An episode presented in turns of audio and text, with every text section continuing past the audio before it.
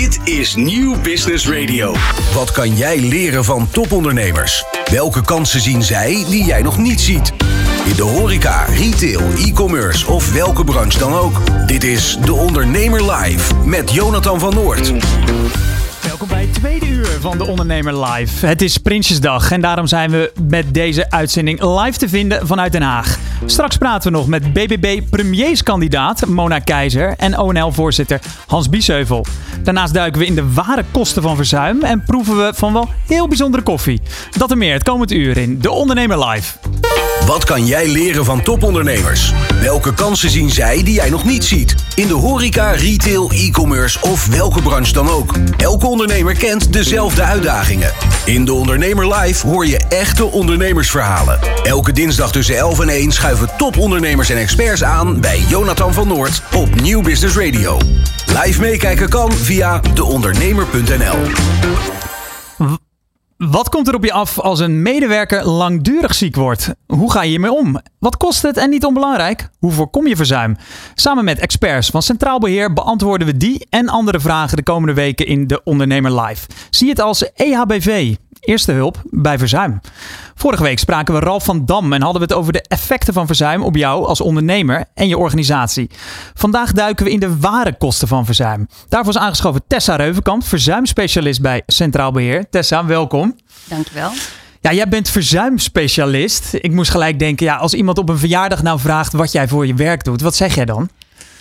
Dan vertel ik dat ik ondernemers help bij het in kaart brengen van de risico's van verzuim en het meedenken over de oplossingen daarvan. En dat uiteindelijk natuurlijk vertalen in een verzekeringsoplossing. In een plan eigenlijk om hiermee, eh, om, hiermee om te gaan, eh, denk ik dan, hè, met dat verzuim. Ja, ik vind het, eh, en dat had ik ook wel een beetje tegen, tegen Ralf vorige week gezegd. Ik vind het ook wel een beetje containerbegrip, hè, verzuim. Wat, wat, wat houdt het nou precies in? En hoe groot is dit probleem? Verzuim houdt in dat medewerkers ziek zijn. En dat kan op allerlei vormen. Dat kan natuurlijk psychisch verzuim zijn. Dus dat je uitvalt door een burn-out. Maar dat kan natuurlijk ook iets fysiek zijn. Dus het eh, breken van een been of eh, rugklachten bijvoorbeeld. Ehm, het verzuim is natuurlijk heel erg gestegen afgelopen jaren. Zeker na aanleiding van corona. Dus je merkt echt wel dat het nog steeds een groot probleem is. Dat, dat zeg je even met, met een bijwoordje. Dat is natuurlijk heel erg gestegen. Dan, dan ben ik Ja. benieuwd. eh, waar, waaruit blijkt dat?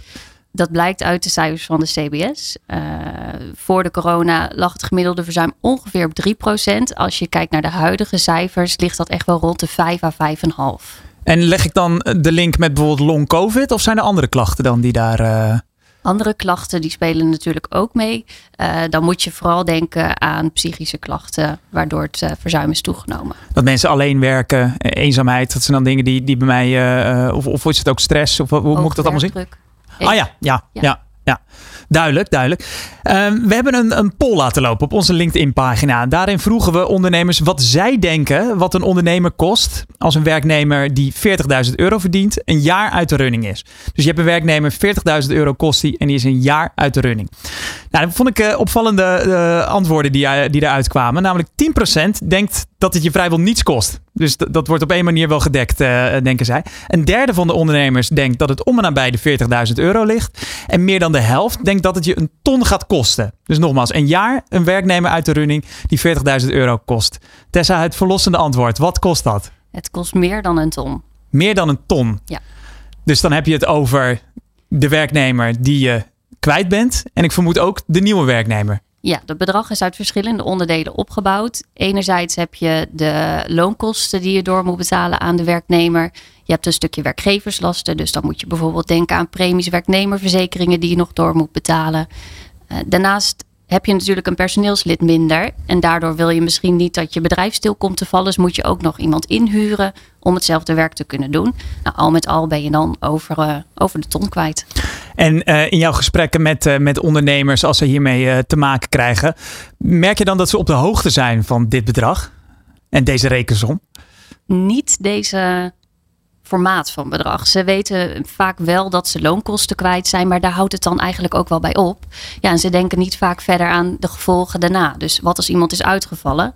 Ja, wat betekent dat dan verder voor mijn bedrijf. Ja, en dat blijkt dus ook wel uit die poll, hè, dat bijna de helft dus denkt dat het ja, eigenlijk ophoudt bij het uitbetalen van het, uh, van het salaris van de, van de uitgevallen werknemer. Ja, of dat het dus nihil is en dat wellicht de overheid het dan voor je oplost. En uit die droom wil je luisterende ondernemers wel even halen, denk dat ik. Dat is de bedoeling. Ja. Um, leg die, die, die, die bedragen eens, uh, eens uit. Want dat klinkt nu misschien een beetje, een beetje abstract. Maar heb je bijvoorbeeld een, een, een praktijkvoorbeeld waar dat, uh, waar dat wat makkelijker uitblijkt? Ik denk dan aan een ondernemer die ik laatst heb gesproken. Dat was een, uh, een kapsalon. Zij had twee vrouwen in dienst. En hier was sprake van een fysiek probleem. Mm -hmm. nou ja, als kapster heb je natuurlijk je handen nodig. Iemand die veel uit door dat ze haar pols uh, nou ja, verzuikt had. Of nou, ik weet het niet precies, want uh, dat vragen we natuurlijk niet. Um, ja, en zij viel dus daardoor uit. Ze was drie maanden uit de running. Nou, drie maanden moet je dan haar doorbetalen. En daarnaast moet je misschien dus een vervanger regelen. Want je hebt allemaal afspraken natuurlijk ingepland. Nou, stel die kapster die verdient dan 20.000 euro per jaar. Ja, dan ben je zo over de nou, 12.500 euro wel kwijt. Zeker aan het loon, werkgeverslasten. En daarnaast moet je al contact leggen met de arbodienst om een dossier te gaan opstellen. Nou, consult bij de bedrijfsarts kan zo rond de 200 euro per audiëntie kosten. En dat, dat, dat komt dus allemaal op het bordje eigenlijk van de ondernemer? Klopt. Ja, want ik zit gelijk bijvoorbeeld te denken aan uh, een sportblessure of zo. Hè? Of de, de, dat je pols verstuikt. Ook al gebeurt dat in de vrije tijd, dan ben je alsnog als werkgever daarvoor verantwoordelijkheid. Ja, Ver, verantwoordelijk. Ja, klopt. Ja, dus stel er gebeurt wat op vakantie of tijdens het sporten, zoals je net zegt. Dat zijn allemaal dingen die ook onder het verzuim kunnen vallen. En als werkgever ben je eenmaal verplicht om het loon door te betalen twee jaar. Hoe pak je dit probleem nou eigenlijk hè, bij, bij de wortels aan? De, de, de net viel dat woord ook al uh, in, in deze uitzending. Hoe, hoe ga je nou goed om met verzuim? Het belangrijkste is natuurlijk om na te denken over preventie. Hoe voorkom je dat iemand ziek wordt? Uh, voordat je na gaat denken over de oplossingen. Je hebt natuurlijk een oplossing, maar daartegenover moet wel staan: hey, hoe ga ik dit probleem beperken en hoe bepaal ik mijn risico's? En hoe pak je dat dan aan?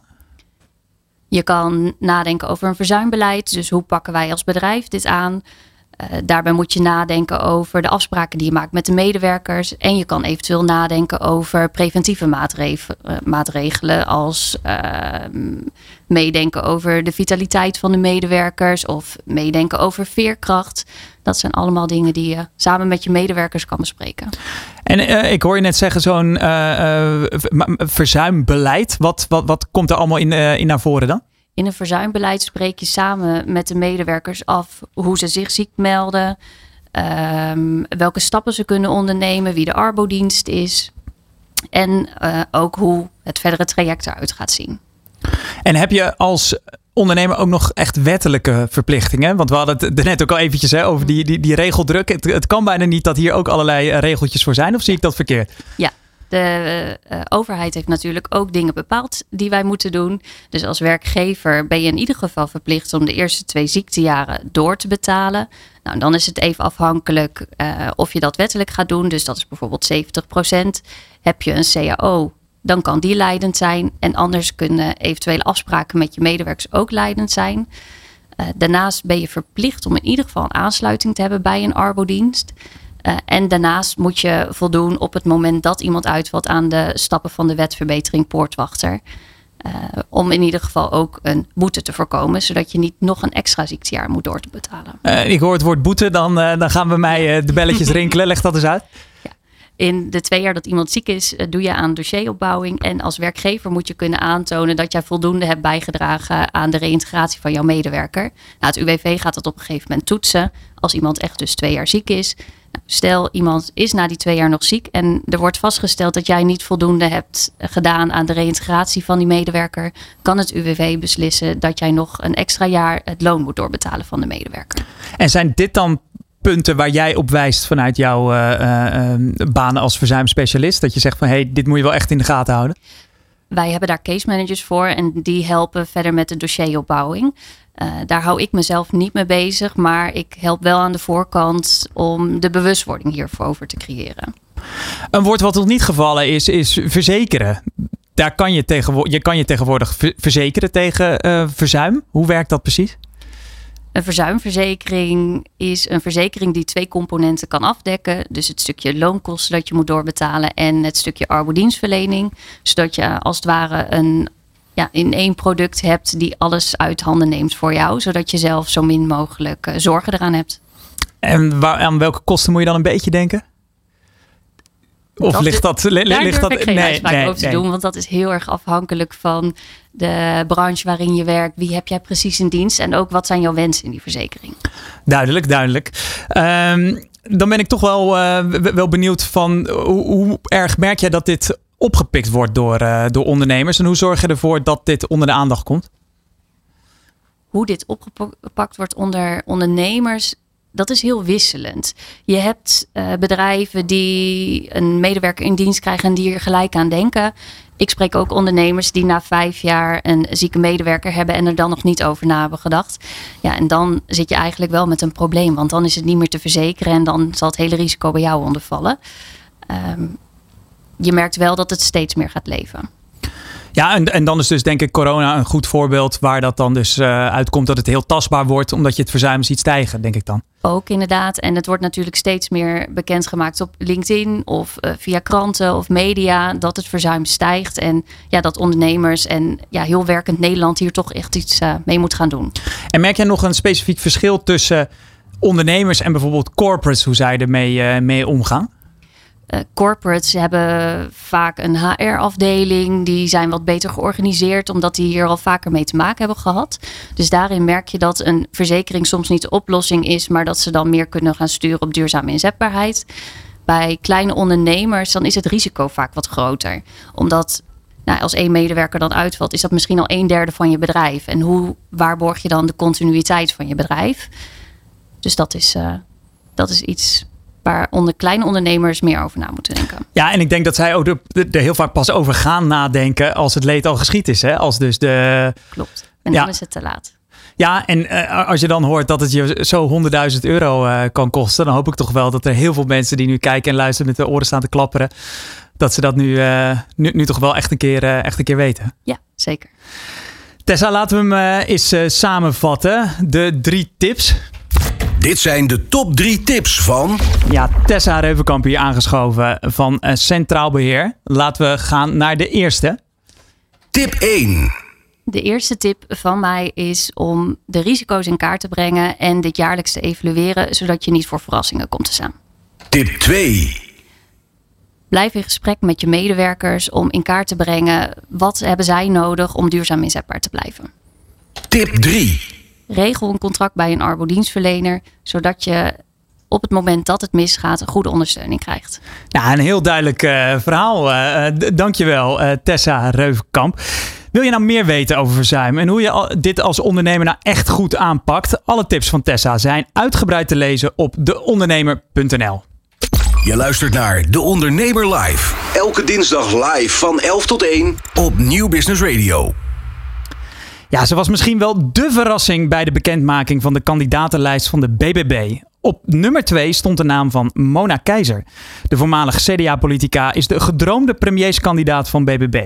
Hoog tijd om haar visie op het ondernemerschap te bevragen. Robert, jij staat met mevrouw Keizer in Den Haag. Ja, we staan eh, in het ondernemershuis hier in Den Haag op Prinsjesdag 2023. En dan gaan we het natuurlijk ook over Prinsjesdag hebben. Maar met een politica die nog niet aan de andere kant van de Hofvijver hier hoeft te zijn. Mevrouw Keizer, go- goedemorgen en welkom bij de Ondernemer Live. Welkom op deze bijzondere dag. Wat zomaar eens volgend jaar op deze dag voor u een hele andere dag zou kunnen zijn. Ja, eh, dat, dat wordt het zeker. Ehm, ik ben nu ehm, ja, ambteloos burger, maar volgend jaar zit ik eh, in ieder geval eh, in de Kamer. En misschien nog wel meer, want wanneer het BBB mee gaat doen aan een kabinet, zit ik daarin. in. maar geen zorg, ik heb het negen keer meegemaakt. Vijf keer als Kamerlid, of een keer of nou ja, vier dan als eh, bewindspersoon. Eh, dus eh, ja, ik, ik weet hoe het werkt. We hebben de kijkers, lezers en luisteraars van de ondernemer gevraagd om vragen in te sturen voor deze uitzending. Juist op vandaag is Prinsjesdag. Er zijn ontzettend veel vragen voor u ook binnengekomen. En die richten zich vooral op financiering en op regeldruk. En met name die regeldruk. Hoe staat u met BB daarin? Wat kunt u daaraan doen voor met name het MKB?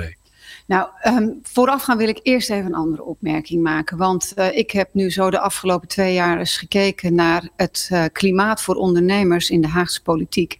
En ik vind dat zeer verontrustend. Het lijkt wel alsof iedereen compleet vergeten is dat alles wat, wat we met elkaar belangrijk uh, vinden, hè, of het nou gaat over onderwijs, goed, goed onderhouden wegen, defensie, noem het allemaal maar op Um, dan lijken we te vergeten te zijn dat dat heel veel geld kost en dat dat geld moet worden opgebracht. Nou, hoe komt de overheid aan uh, geld? Via uh, belastingen, uh, loonbelastingen, BTW, vennootschapsbelasting. Um, en wanneer komt dat binnen bij de overheid? Als het goed gaat met de economie, als het goed gaat met ondernemers. En als je dan kijkt naar de plannen um, die nu in de miljoenennota uh, staan. Weliswaar van een demissionair kabinet.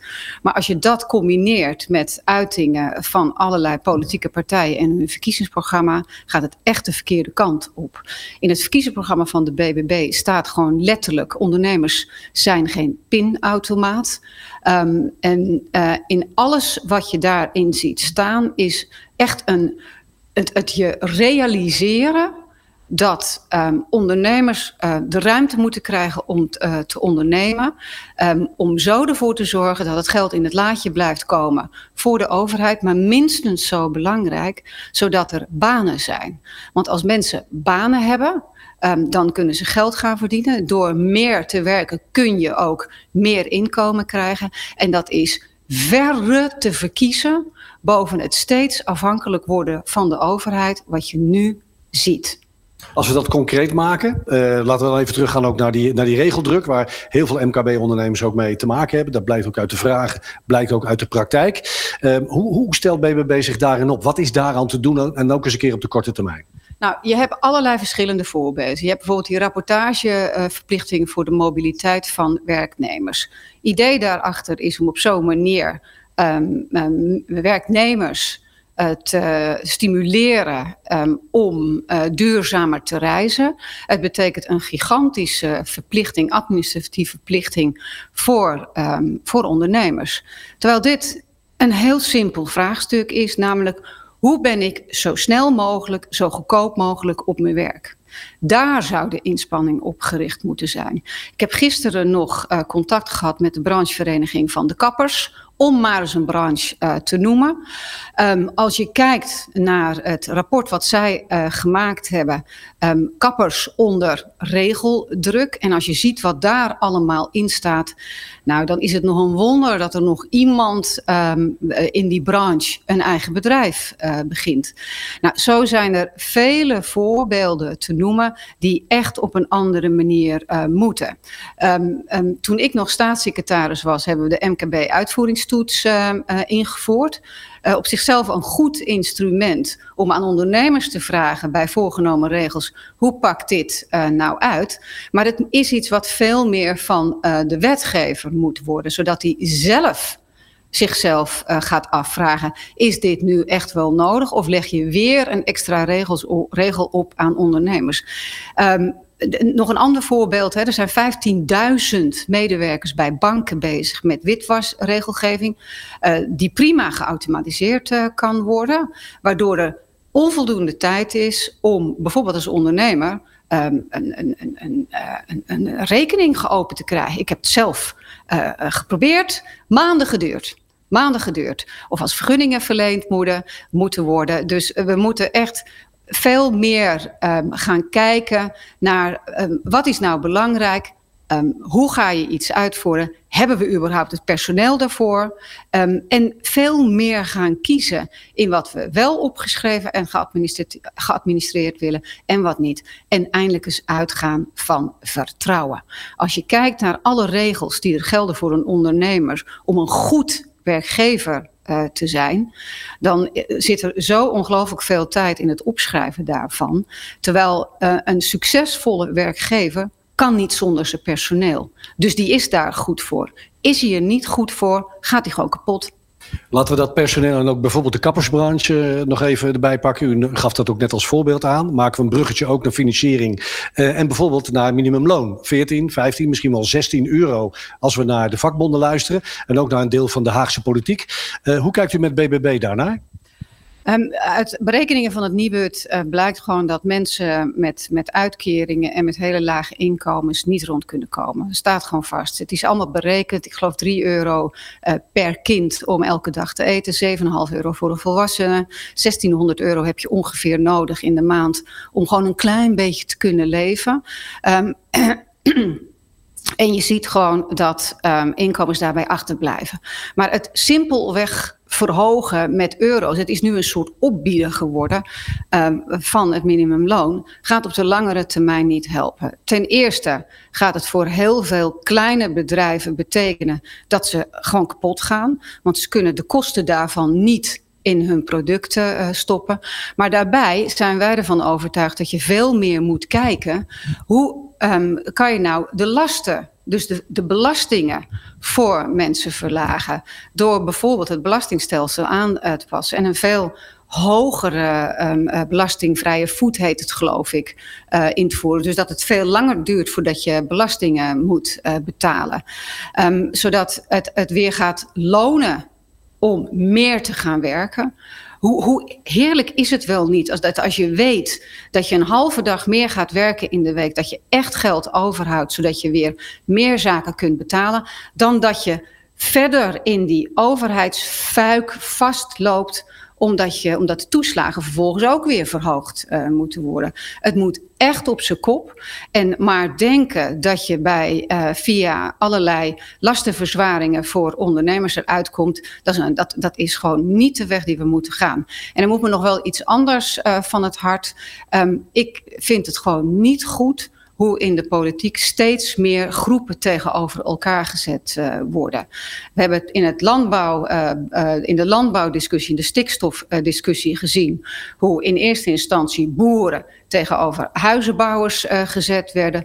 Toen het landbouwakkoord kapot liep, werden jonge boeren tegen oudere boeren opgezet, terwijl die met elkaar aan de keukentafel zitten. Hè? En nu lijkt het wel alsof ondernemers tegenover werkenden gezet worden. Terwijl zeven van de tien mensen, nog, volgens mij is het nog steeds zeven van de tien mensen, werken bij midden- en kleinbedrijf. Dat zijn kleine bedrijven waarbij ze gewoon in de kantine met elkaar schaften. Om het maar eens gewoon even ouderwets uh, te noemen. En die zijn met elkaar verbonden. En je moet jezelf gewoon goed realiseren dat bij elke stap die je zet, jezelf moet realiseren, kan dit ook uit in een middengroot uh, uh, bedrijf. En nu is het cherrypicking van allerlei verschillende onderdelen. Moet het minimumloon verhoogd? Ja, je zult het in ieder geval met uh, de inflatiecorrectie moeten toepassen. Maar vervolgens wel heel goed kijken. Moet het nou meer zijn? Of moeten we kijken of we de belastingen kunnen verlagen? Als je de toeslagen namelijk afschaft, hou je tientallen miljoenen meer nog uh, over, uh, omdat je dat niet meer in het uitvoeringsapparaat uh, hoeft te stoppen. Van werknemers even de stap naar ZZP'ers. Want ook vanuit zelfstandigen zonder personeel hebben we ontzettend veel vragen binnengekregen. Hoe ziet u überhaupt de rol van de ZZP'er op de arbeidsmarkt? Nou, op, um, heel grof gezegd kun je daarop zie, zie ik twee groepen. Je hebt de groep die gewoon prima uh, zichzelf kunnen verhuren tegen goede tarieven, waar ze van kunnen leven. Dat is echt een vrije keuze om ondernemer te zijn. Maar je ziet ook Um, en, en, we hebben er inmiddels 1,4 miljoen. Je ziet ook steeds meer mensen die uh, uit een loonsverband gejaagd worden. Uh, omdat het volstrekt onaantrekkelijk is, omdat ze niet meer baas zijn over het werk wat ze moeten doen of over hun eigen agenda. Dat zijn groepen waar, waar, heel, uh, waar midden- of lage salarissen betaald worden. En we moeten ook echt naar dat hele ZZP-gebouw kijken. He, hebben we daar nou ook fiscaal bijvoorbeeld niet de verkeerde stappen gezet? Um, waardoor um, je de mensen die eigenlijk in loondienst een loondienstverband werken, dat je het ook weer aantrekkelijk maakt om gewoon weer bij een werkgever te gaan uh, werken. Een van de grootste discussies is natuurlijk uh, de arbeidsongeschiktheidsverzekering. Uh, wij, wij zien wel dat uh, mensen nu buitengewoon kwetsbaar uh, zijn uh, als het misgaat. Of omdat de economie inklapt, dat hebben we tijdens de coronatijd goed gezien. Of omdat iemand een ongeluk krijgt en niet meer kan werken. Maar om nou zomaar te zeggen van, en nu gaan we het voor iedereen verplichten. ik weet het niet of dat nou de weg is. Het wacht wat u betreft terug op de agenda, want het zat natuurlijk ook in het pensioenakkoord. Het zat in het pensioenakkoord, maar daar zaten uh, partijen aan tafel uh, met uh, allerlei verschillende belangen. En ja, ik weet nou niet alsof of iedereen nou heel goed nagedacht heeft over de consequenties hiervan voor alle, um, voor alle ZZP'ers. Ik weet dat er ook heel veel ZZP'ers zijn die hebben gekozen. Die hebben gewoon gedacht van nou, ik kan één ding betalen, een pensioensvoorziening of een arbeidsongeschiktheidsvoorziening. En die hebben gekozen uh, voor de pensioensvoorziening. Die zadel je nu gigant, met een gigantische kostenpost uh, op. Dus we zien het belang. Maar om nou meteen te zeggen, en dan is dit de oplossing voor iedereen gedwongen. Uh, door, door, door de strot gedrukt van iedereen. Ja, zover zijn wij nog niet. Tot slot, eh, er zijn heel veel onderzoeken natuurlijk op dit moment gaande naar hoe we in Nederland naar de politiek kijken. En zeker ook richting de verkiezingen. Dat hebben wij met de ondernemer ook gedaan, gerelateerd aan Prinsjesdag. Ruim 60% van de ondernemers die bij ons gebruik heeft gemaakt van stemrecht, om het zo ook te benoemen, op een poll zegt: Prinsjesdag, het is leuk, maar het is een demissionair kabinet. We hebben liever dat er nu zo snel mogelijk dossiers worden opgepakt. Um, zie ik u hetzelfde denken? Ja, het is, uh, kijk, het is gewoon onderdeel van, van de cyclus. Ik heb altijd zoiets van uh, strijden tegen iets wat een, een, normale gang, een normaal natuurlijk verloop van, van de zaken heeft. En dat is hiervoor, uh, daar word ik nooit zo warm of koud van. Als je kijkt trouwens naar de plannen die in de miljoenennoten zitten en in het belastingplan zitten, gaat het niet de goede kant op. Dat zit raakt heel erg aan uh, dat wat ik ter inleiding uh, zei. Uh, de vennootschapsbelasting, hè, de, de, het vergroting van de eerste schijf vennootschapsbelasting, die goed is voor ondernemers, wordt teruggedraaid. In het belastingplan zit het versoberen van de bedrijfs opvolgingsregeling, die fiscale regeling voor als een bedrijf naar de volgende generatie gaat. Het zijn allemaal kleine dingetjes die bij elkaar opgeteld gewoon beroerd zijn voor ondernemerschap. En bijvoorbeeld die bedrijfopvolgingsregeling. Het is een van de slechtere regelingen als je in internationaal verband uh, kijkt. Dus als je vergelijkt met andere landen. In Nederland hebben wij heel veel uh, bedrijf, uh, familiebedrijven. Daar moet je juist buitengewoon zuinig op zijn. En jezelf realiseren dat als jij uh, dat verder uh, versobert, dat dat eigenlijk betekent dat het niet over kan naar de volgende generatie. Terwijl we gewoon weten uit onderzoek hoe familiebedrijven in tijden van crisis langer hun personeel in dienst houden, innoveren, aandacht hebben voor uh, natuur en, en, en, en, en de omgeving. Juist omdat ze verantwoordelijk zijn voor die volgende generatie. Dus wees een beetje zuinig op je ondernemers en wees er trots op, want we hebben ze gewoon nodig om uh, te innoveren en om, het, uh, om banen te creëren. En zo uiteindelijk zorgen voor geld in het laadje van de overheid om al de zaken die we belangrijk vinden te kunnen betalen. Waarvan akte, mevrouw Keizer, op naar 22 november. Ja, absoluut. Tot volgend jaar, Prinsjesdag 2024. Tot dan. Ja, misschien hoorden we hier wel de nieuwe premier. We gaan er in november achter komen. Straks uh, gaan we nog één keer naar Den Haag, naar ONL-voorman Hans Biesheuvel. Je luistert naar De Ondernemer Live. Elke dinsdag live van 11 tot 1 met Jonathan van Noord op Nieuw Business Radio.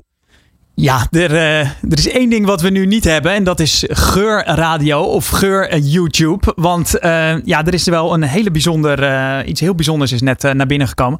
Want we hebben het over een zwart bakkie met de smaak en de geur van echte koffie, maar dan zonder de bittere nasmaak van ontbossing. Dat is Coffee Free Coffee, een product van de Nederlandse start-up Northern Wonder. En in plaats van koffiebonen bevat deze variant veel duurzamere varianten. Bij ons is aangeschoven met koffie David Klingen, oprichter van Northern Wonder. Ja, David, uh, welkom, welkom. Koffie, maar niet gemaakt van koffiebonen. Wat is er mis met koffie?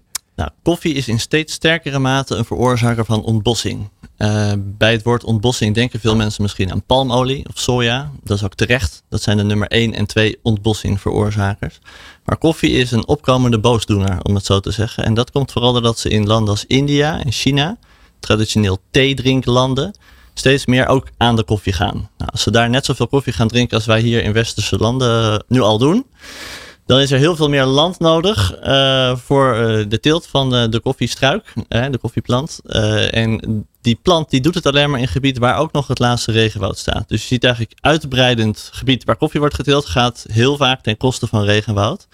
Dat is een probleem vooral van overmorgen, om het zo te zeggen. Hè? Dus palmolie en, en soja, dat is echt een heel erg issue nu. Maar jij ziet dit nu al aankomen? Dit, is een ding, dit gaat een dingetje worden, ja. Ja, uh, we gaan straks dus uh, uh, hebben over hoe jij op dit lumineuze idee bent gekomen om de koffieboon te veranderen. Laten we eerst even gaan proeven. Want voor de luisteraars, ik heb een ja, koffiekopje in mijn hand met een pikzwarte koffie met een, een mooie crema laag. Ik ga even, even proeven.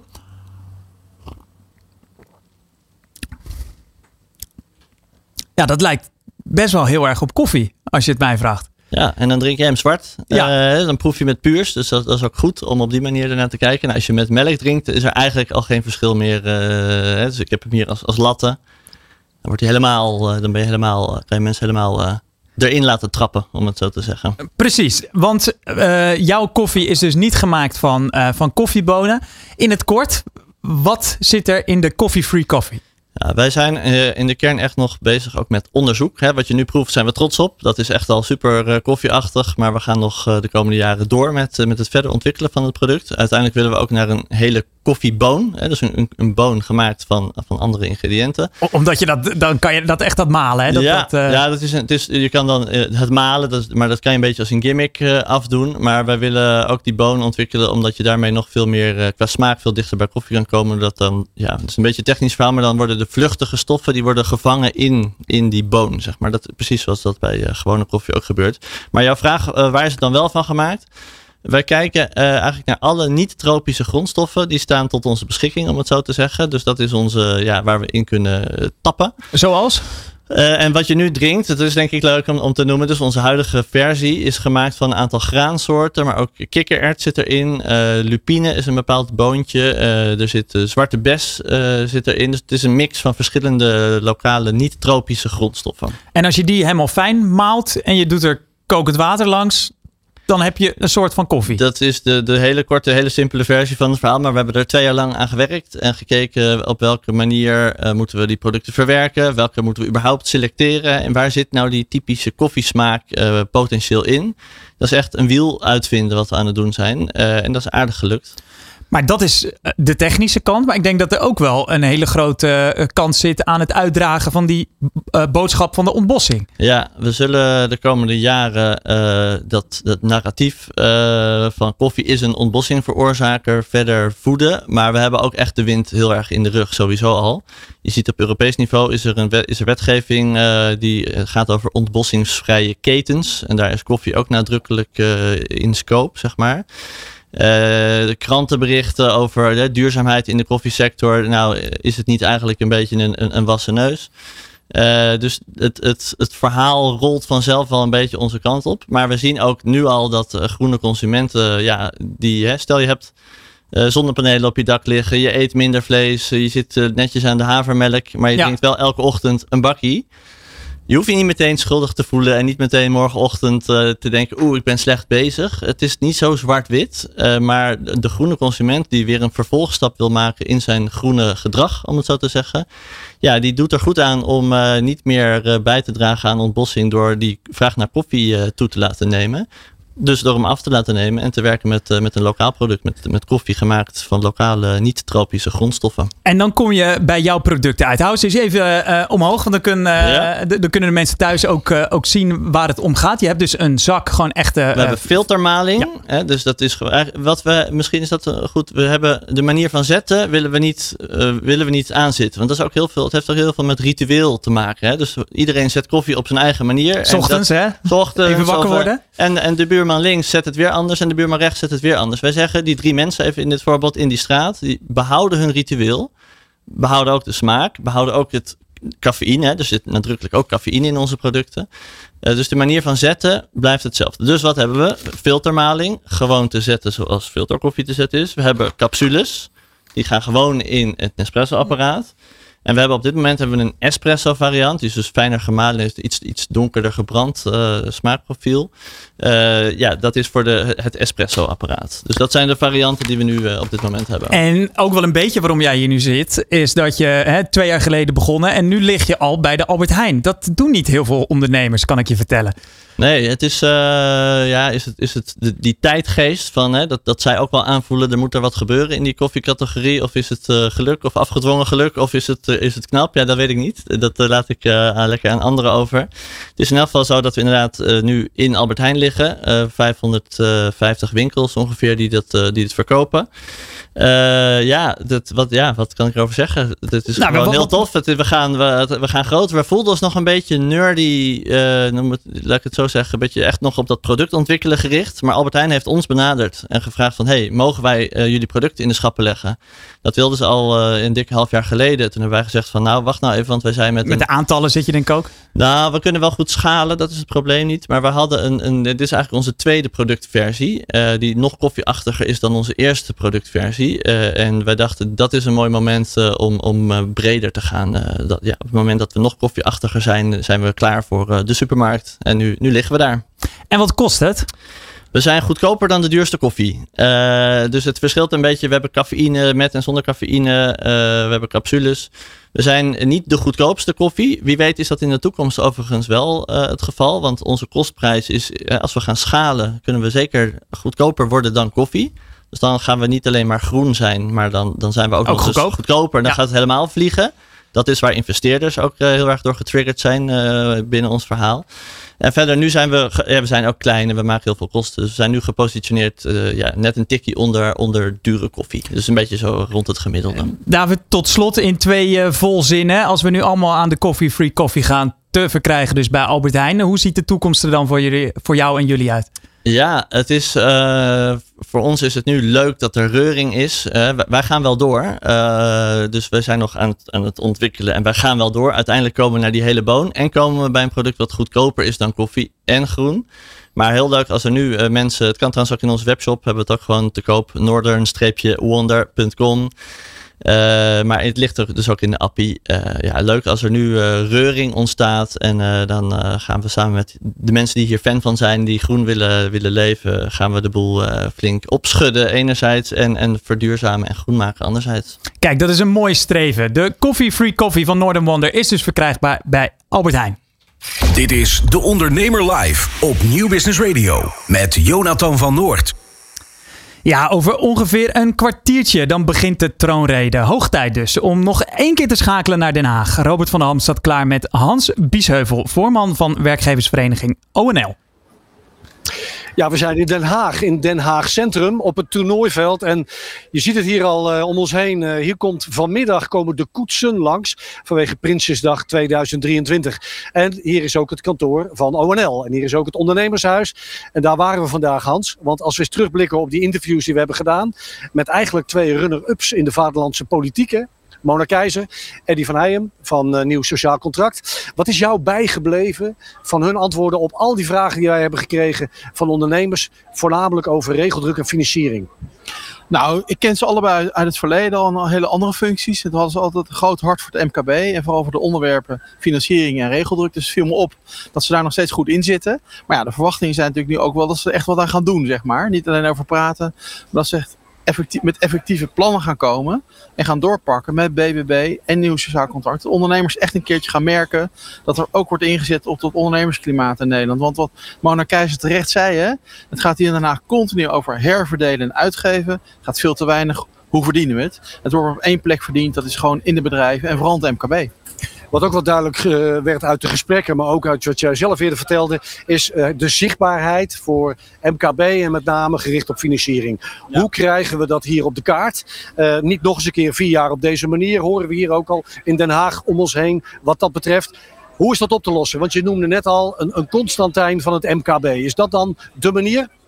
Nou, ik zou zeggen dat is een nieuw begin. Hè? Een nieuw begin om te zeggen, nou, zet dat onderwerp nou serieus eens een keer op de kaart. Breng alle relevante partijen aan tafel. De overheid, de ministeries, de banken, de non-bankaire financiers, reisdienst voor. En alle partijen die betrokken zijn bij die financiering, moeten nu echt een vuist met elkaar maken Want als wij Nederland willen verduurzamen, als wij Nederland handelsland willen blijven, als wij Nederland innovatief willen houden, dan is dat MKB cruciaal. En die moeten dan wel de financiering vinden om te kunnen investeren in de duurzaamheid, om innovatief te blijven. En ondernemers lopen nu tegen de muur op. Als je een bankrekening wil openen, duurt het al maanden. Je kan de financiering heel moeilijk vinden. Er zijn veel te weinig zeg maar, partijen die je op een goede manier helpen naar die financiering toe. Ik wil een vuist maken. Dus een aanjager voor het MKB-financiering à la Constantijn voor de techbedrijven zie ik als een start. Maar als een hele belangrijke start om veel meer prioriteit te geven aan dit onderwerp. Hans, het is een eh, bijzondere dag. Elk jaar natuurlijk Prinsjesdag. Maar dit is eigenlijk toch ook wel een, juist nu een hele vreemde dag. Niet alleen vanwege dat demissionaire kabinet. Maar ook omdat we over twee maanden al verkiezingen hebben. We gaven het al eerder aan vandaag. Eigenlijk zijn de campagnes begonnen vandaag. En die gaan morgen en daarna natuurlijk uh, ruim verder. Wat betekent dit voor ONL de komende maanden? Wat kun je in die partijprogramma's nog betekenen? Nou, we hebben natuurlijk inbreng geleverd voor die partijprogramma's al eh, in de zomer. We hebben overal uh, onze voorstellen neergelegd. We zijn in april, mei en juni al vol de slag gegaan met veel position papers maken. Want je voelde hier in Haag al na de provinciale verkiezingen hè, dat het, uh, de coalitie, naar zeggen, op wankelen stond. we gaan op 25 oktober ons ondernemersmanifest nog eens een keer goed op de kaart in Den Haag zetten. In Nieuwsport. Vier, exact vier weken voor verkiezingen. Dan zullen we al die belangrijke onderwerpen, maar vooral de oplossingen die wij zien voor dat MKB, zullen we nog eens een keertje goed presenteren. En we zullen aan alle lijsttrekkers ook dat manifest overhandigen de komende weken. Om te zorgen dat ze goed uh, bewust zijn wat er in het MKB speelt. Helder, we gaan op naar woensdag 22 november 2023. En twee dagen eerder zijn we hier weer voor een speciale uitzending van De Ondernemer Kiest. Met inderdaad heel veel lijsttrekkers, maar zeker met ook veel ondernemers die dan hun vragen kunnen stellen aan de politici. Wellicht ook juist de politici in wording. Voor nu, dit was Den Haag. Terug naar Hilversum. Elke dinsdag een andere inspirerende ondernemer te gast tijdens De Ondernemer Live. Van 11 tot 1 live op Nieuw Business Radio. Zoals elke week sluiten we af met de ondernemer onderweg. Onze mobiliteitsspecialist van dienst, Roland Tameling, die maakt ons wegwijs in de wereld van zakelijke mobiliteit. Ditmaal doet hij dat opnieuw vanaf een bijzondere locatie. In Utrecht spreekt hij met Eduard Posthumus Meijers van Picnic tijdens een van de grootste verhuizingen die de online supermarkt ooit heeft ondernomen. Roland, waar sta jij nu eigenlijk? Ja, Jonathan, zoals je ziet, ik sta hier in een heel zonnig Utrecht, in Lage om precies te zijn, vlakbij de A2. Want, uh, zoals je ziet, sta ik te midden van de elektrische bezorgtrucjes van Picnic. Want Picnic, de online supermarkt, opent hier een nieuwe hub. En niet zomaar een hub, maar een superhub. En dit is het verhaal erachter. Van harte gefeliciteerd met de superhub. Wat een ontwikkeling, hè? Absoluut. Vandaag is het de samensmelting. De dag waarop we eigenlijk van twee hubs één superhub maken in Utrecht. Ja, waarom was dit nodig, Eduard? Nou, het is, voor ons is het eigenlijk wel een stuk efficiënter als we vanuit één plek de hele stad kunnen bedienen in plaats van vanuit twee plekken. Ja. En daarom hebben we lang gezocht naar de ideale plek. Uh, en die hebben we hier gevonden op Laagweide. Uh, om vanuit één plek meer dan 200.000 huishoudens uh, te voorzien van boodschappen. Wat maakt dit de ideale plek dan voor jullie? Ja, het gaat vooral om ligging. Dus we kijken wat is de centrale plek ten opzichte van alle huishoudens die we willen bedienen. Mm en uh, daarna kijken we nog naar een paar andere factoren. Dus natuurlijk moet het vastgoed geschikt zijn. Um, en uh, we willen zorgen dat het een fijne plek is voor mensen om te komen werken. Uh, en die combinatie heeft ertoe geleid dat we nu hier vandaag open kunnen voor heel Utrecht. En wat is dan de grootste uh, vooruitgang dat jullie van twee locaties, Noord en Zuid in Utrecht, naar één centrale plek zijn gegaan? Wat, wat betekent dat voor jullie organisatie? Nou, een belangrijk punt is dat we eigenlijk hier gevestigd zijn op steenworp afstand van een geautomatiseerd fulfillment center dat we hier hebben aan de Atoomweg. Dus we spelen eigenlijk in de achtertuin van dat fulfillment center. Ja. Uh, dat betekent dat we elke dag maar van één locatie naar één andere locatie vrachtwagens hoeven te bewegen, boodschappen hoeven te bewegen. Dat is natuurlijk uh, al een stuk efficiënter. Uh, en bovendien rijden we hier nu vanuit één plek rijden we naar heel Utrecht toe. En kunnen we die ritten ook allemaal optimaliseren. En het is voor, ook voor alle Utrecht alle Utrecht werkenden is het natuurlijk leuk dat het één team is geworden. Om allemaal samen op één locatie te werken. En laten we eens even de cijfers noemen. Eh, hoe groot is het? Hoeveel mensen werken er? Hoeveel bewegingen per dag zijn er bijvoorbeeld van de autootjes? Nou, we hebben hier een nieuwe groep hebben van meer dan 200 mensen die hier samen komt te werken. Ehm, daar verwachten we van dat dat, eh, dat de komende tijd eh, enorm gaat groeien. Zeker na de vakantie is het, is het enorm druk nu. We hebben hier op dit moment hebben we 50 karretjes staan. Maar we kunnen groeien tot ongeveer eh, 120, 130 karretjes. Ehm, we bezorgen daarmee in een bezorggebied van iets meer dan 200.000 huishoudens. Eh, en op dit moment doen we daar al eh, nou, dicht 1000 bestellingen per week. En hopen, dat, eh, hopen dat dat te snel nog meer gaan worden. Ja, en dit pand hierachter was voorheen van Redje Pakketje, begreep ik. Hè? En nu dus van, van Picnic. Hoeveel vierkante meters hebben we? En, en ja, hoeveel zou je nog... In hoeverre is het op de groei gekocht? Laat ik het zo zeggen. Nou, het is zeker op de groei. Het is voor, voor Nederlandse begrippen is dit ook voor ons de grootste hub die we hebben. Het is 2700 meter binnen. Eh, en we hebben ook voldoende ruimte voor bezorgers om pauze te houden, om te tafeltennissen en een leuke tijd te hebben. Want er zit meer dan 400 meter kantoor in. Eh, bovendien kan je hier zien, we hebben een heel groot buitenterrein. Dus we kunnen heel erg eh, goed onze karretjes parkeren. En daarmee kunnen we zeker nou, ruim jaren vooruit om heel Utrecht te blijven. En nog even over de locatie, want we zitten hier in Lageweide, een industrieterrein aan de rand van de stad. Hè. Ehm, is dit nu een ideale locatie om bijvoorbeeld zo'n grote stad eh, te kunnen bedienen? En zo ja, waarom dan? Ja, we zien dat dit een hele goede plek is, omdat we inderdaad heel Utrecht kunnen, kunnen bedienen. Ja. Ehm, en uh, Lageweide heeft het voordeel dat je vanuit hier ook vrij snel tot de binnenstad inkomt. Typisch zijn de grotere industriegebieden liggen eigenlijk wat verder weg van stadskernen. Ja. Maar hier in Utrecht hebben we de mogelijkheid om inderdaad dit centrum heel erg centraal te vestigen. Uh, voorheen was het heel moeilijk om die plek te vinden eigenlijk voor Utrecht. Uh, want als je het vergelijkt met uh, vierkante kilometer oppervlakte, dan is eigenlijk Utrecht niet heel veel anders dan een Breda of een Den Bosch, mm -hmm. uh, waar we altijd al vanuit één hub werkten. Um, maar het was echt zoeken naar hè, de, juiste, de juiste speld, de juiste plek zetten. Voor Wat was daar zo lastig aan dan? Ja, wij opereerden eerst het Kanaaleiland en de meren. Ja. En we hebben ook wel eens andere uh, opzet gehad van de twee hubs. Um, en het was even zoeken naar wat nou de perfecte spot is om dan ook het perfecte pand te vinden. Want uh, veel van wat je hier op Laagweide vindt is eigenlijk veel te groot voor een overslagpunt, voor een city hub. Ja. Zoals we uh, in de last mile bij Picnic werken. Um, dus dit was een heel, goed, uh, ja, een heel goede uitkomst dat we, dat we vonden wat we zochten. In zo'n overstap qua operatie, wat zijn dan de grootste uitdagingen? Nou, de grote truc is eigenlijk dat de klant daar niks van merkt. Mhm. Mm -hmm. Dus vanuit welke plek we ook bezorgen, de ervaring voor de klant moet hetzelfde zijn. Um, en ik zou liegen als dat dan aan de achterkant ook helemaal voor iedereen, elke werknemer zo voelt dat hij er niks van merkt. Mhm. Mm -hmm. um, maar aan de achterkant mag het soms best een beetje, uh, mogen we dat best een beetje voelen. Nou kun je ons eens meenemen naar die achterkant dan. Wat, wat, wat zijn dan de, de struggles? Nou, wat, wat we vanochtend heel praktisch hebben gedaan, is dat een bezorger wegreed vanuit de oude locatie.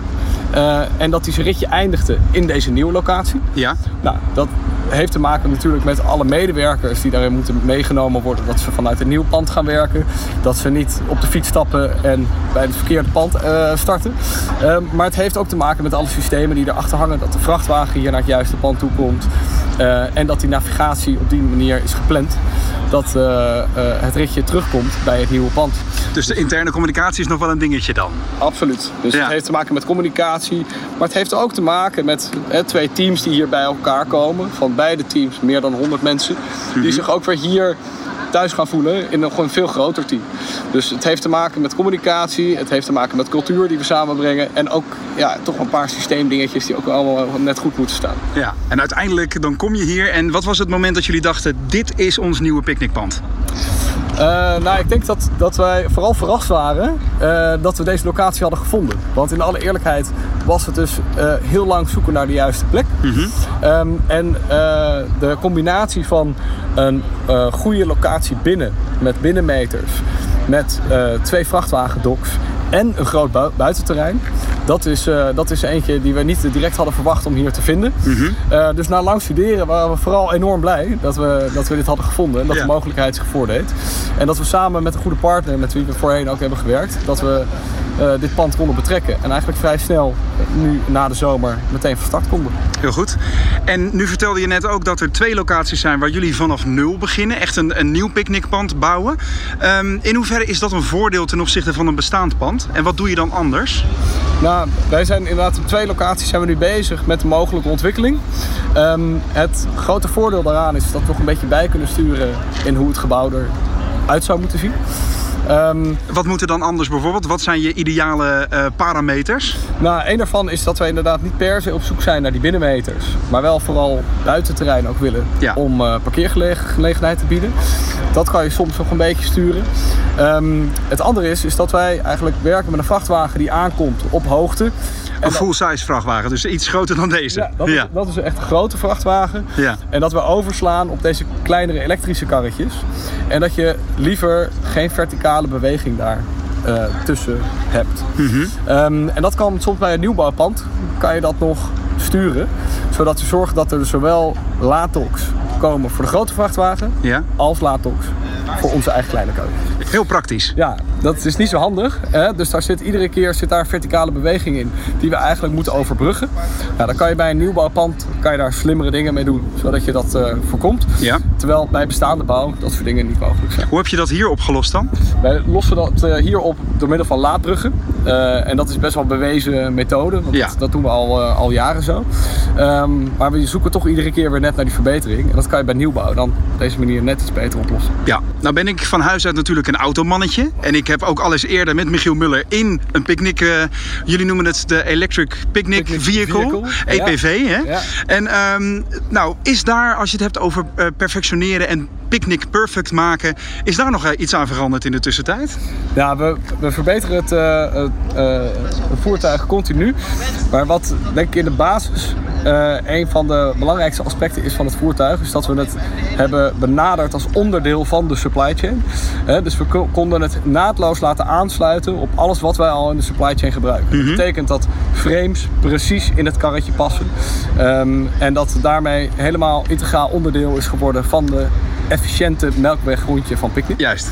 Um, een van de dingen die er belangrijk in is, is dat een uh, runner, een bezorger, die hoeft niet een laad uh, een laadruimte in te stappen, maar die kan het voertuig van buiten benaderen. Mm -hmm. He, dat is efficiënt, maar dat is ook veilig, ergonomisch. Um, wij, he, het is natuurlijk elektrisch en daarmee hebben we een, uh, een CO2-vrije last mile om uh, boodschappen te bezorgen. Um, en we zijn op, deze, op, dit moment zijn we nog steeds verder aan het kijken van hoe kun je dat voertuig nou nog veiliger, efficiënter voor ons laten werken. Mm -hmm. uh, om te zorgen dat we nog steeds uh, ja, optimale eruit halen. Wat absoluut ook een onderdeel is, is dat, je, dat wij natuurlijk de batterijcapaciteit uh, in, nog steeds verbeterd. Ja. en dat we daarmee ook kijken naar hoe kunnen we misschien nog wat verder rijden en eventueel ook wat sneller rijden. om het nog verder te verbeteren. Want dat zou ook weer een efficiëntieslag zijn. Dat zou een efficiëntieslag kunnen zijn, ja. Mm -hmm. um, even over de toekomst. Hoeveel jaar zitten jullie hier nu, denk je? Nou, ik verwacht zeker dat wij, dat wij uh, de komende jaren vooruit kunnen. Ja. We kunnen dus uh, we kunnen eenvoudig uh, twee keer zoveel bezorgingen doen als dat we op korte termijn verwachten. Um, dus ja, we hebben het zeker denk ik over tien jaar dat wij hier vooruit kunnen. Het is niet dat je over een paar jaren weer uit je hemd gegroeid bent. Nee, dat is niet de verwachting. maar je weet het nooit. Hè? We groeien elke week, dus dat is wel heel erg leuk om te zien. Ja. Um, en, maar de verwachting is dat we zeker op de groei hier zitten. En jullie hebben nu 64 hubs in totaal in heel Nederland. Is het zo dat een superhub beter is dan een normale hub en een megahub zelfs beter zou zijn dan een superhub? Nou, niet altijd. Uh, want het houdt ergens een beetje op in hoeverre je bereik hebt mm -hmm. vanuit één locatie. Um, dus op sommige plekken uh, werkt het door eigenlijk zo'n samensmelting te doen, maar op heel veel plekken ook niet. Het heeft natuurlijk heel erg te maken met vierkante kilometers om zo'n hub heen, mm -hmm. uh, hoe ver het rijden is, maar vooral ook hoe lang het rijden is vanuit zo'n locatie naar de klant in dat bezorggebied. Um, dus het wordt niet altijd beter uh, naarmate je gebieden, samen, gebieden samenvoegt. Met welk gevoel sta jij hier nu vandaag? Nou, onwijs trots vooral. Uh, ik vind het heel gaaf hoe we in uh, korte tijd uh, enorme voorbereiding hier voor elkaar hebben gekregen. Um, en, en vooral trots ook op de teams, die voorheen dus twee teams waren. Uh, die vanaf vandaag ja, hier echt uh, kunnen samensmelten tot één groot Utrecht team. Utrecht team. Ja. Um, ik heb zelf een beetje historie in Utrecht. Ik heb in Utrecht uh, gestudeerd. En daarmee ook een ontzettende binding met de stad. En ik vind het vooral echt super leuk dat we dan nu kunnen zeggen, nou Utrecht is één. Want zo heb ik dat ook altijd ervaren als Ja. een hele hechte, hechte stad. En nu hoop ik dus ook dat we hier één heel hecht team gaan krijgen. Begonnen in Amersfoort, groot geworden in Utrecht. nou ja, dat is, dat is absoluut uh, het begin geweest. En uh, sindsdien natuurlijk nog, uh, nog veel groter geworden in Nederland en zelfs daarbuiten. Mooi man, succes voor de toekomst. Dankjewel. Ja, we eindigden met wat, uh, wat ruis op de lijn. Maar dat lag bepaald niet aan onze gasten tijdens deze Prinsjesdag uitzending van De Ondernemer Live. Dankjewel voor het kijken en voor het luisteren. Volgende week zijn we terug op de dinsdag in De Ondernemer Live. Wat kan jij leren van topondernemers? Welke kansen zien zij die jij nog niet ziet? In de horeca, retail, e-commerce of welke branche dan ook. Elke ondernemer kent dezelfde uitdagingen. In De Ondernemer Live hoor je echte ondernemersverhalen. Elke dinsdag tussen 11 en 1 schuiven topondernemers en experts aan bij Jonathan van Noord op Nieuw Business Radio. Live meekijken kan via deondernemer.nl.